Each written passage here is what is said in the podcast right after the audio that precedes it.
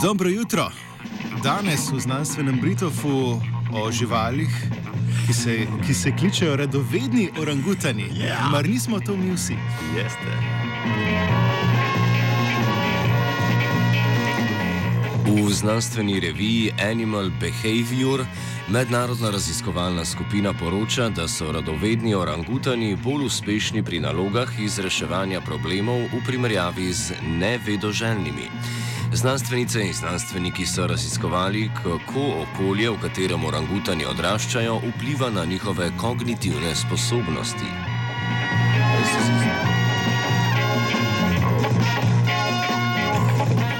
V raziskavo so vključili kar 61 orangutanov iz različnih zavetišč na Borneju in Sumatri. Med njimi so bile razlike v starosti, spolu in času, ki so ga preživeli v stiku z ljudmi. Orangutane so razdelili v štiri skupine. V treh so bili orangutani, ki so različno dolga obdobja do sedmega leta starosti preživeli bodi si v zavetišču, bodi si druge v stiku z ljudmi.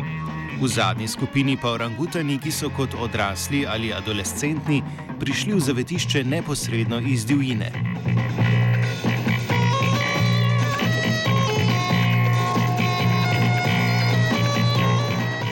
Vsi orangutani so sodelovali v dveh skupinah različnih testov. V prvi skupini testov je bilo zbranih pet nalog, s katerimi so znanstvenice in znanstveniki preverili, kakšne individualne odzive na nove stvari in sloge raziskovanja so izražali orangutani. V tem sklopu so orangutane seznanili z novim človekom, novo stvarjo, novo hrano, že znano hrano in plastično kačo.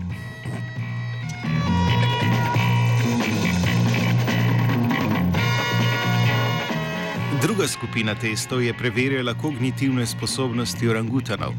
Tudi ta skupina testov je zajemala različne naloge. Pri testu ponovnega učenja so se orangutani naučili nekega pravila, kasneje pa so se morali ponovno naučiti novega, nasprotujočega prvemu.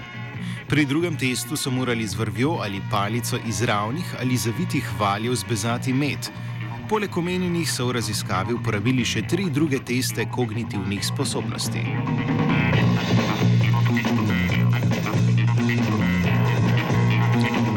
Analizo glavnih komponent izmerjenega raziskovanja in odzivov orangutanov na nove stvari so raziskovalke in raziskovalci pridobili mero za radovednost.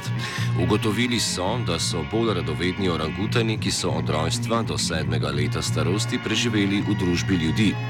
Kar je bilo pričakovano, saj se morajo v divjini boriti za preživetje in iskati že znano užitno hrano, ter imajo malo ter imajo bolj malo možnosti za raziskovanje.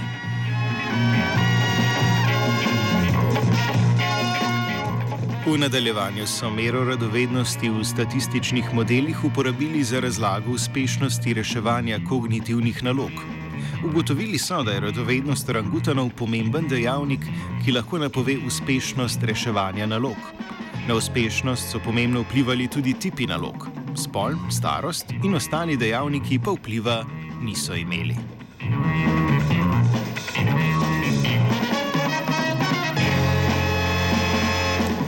Radovednost je v primeru orangutanov povezana z odraščanjem med ljudmi v okolju, kjer ni veliko nevarnosti in z možnostjo socialnih interakcij s vrstniki.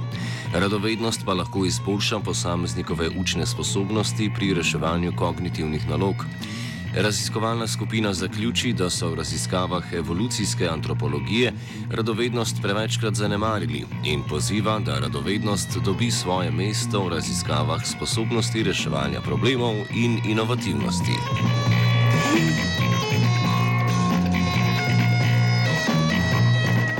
Radovedna Zarja se je naučila nekaj novega o orangutanih.